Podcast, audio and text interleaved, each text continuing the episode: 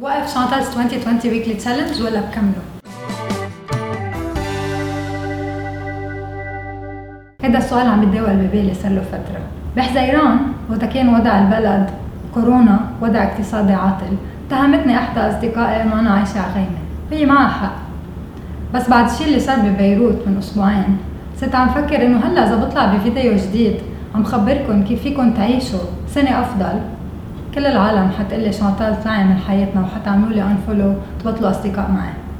بس رجعت فكرت إنه إذا بهيدي الأوضاع الصعبة وقفت وما عاد بدي نحسن السنة تبعنا وما عاد بدي أنا وياكم نحسن سنتنا شو تاركين لبعدين؟ بعتقد إنه الجواب صار هين لإلي. بعد ما أخذت أسبوعين فكر شو بعمل بكمل ولا ما بكمل؟ قررت كمل.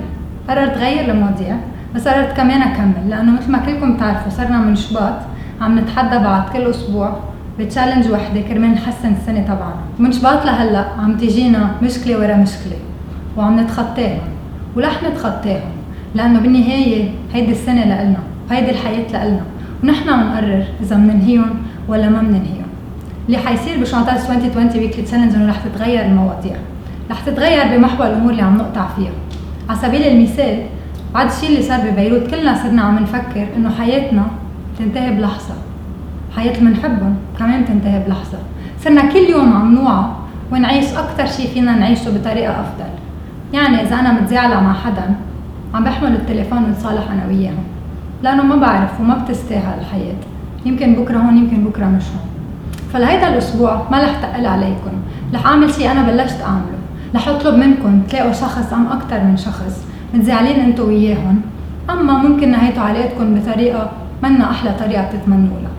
تتصلوا فيهم تحكوا معهم تسلموا عليهم. فيكم تجربوا تتصالحوا معهم فيكم ما تتصالحوا معهم فيكم بس تطمنوا عنهم. الفكرة هي إنه نحن هون اليوم بس ما بنعرف بكرة نحن وين. ما بدنا نترك شيء علينا. حياة قصيرة وما بتستاهل. ما لازم نكون زعلانين من بعض. هيدا الأسبوع من شانتال 2020 weekly challenge رح نتصالح مع بعضنا البعض.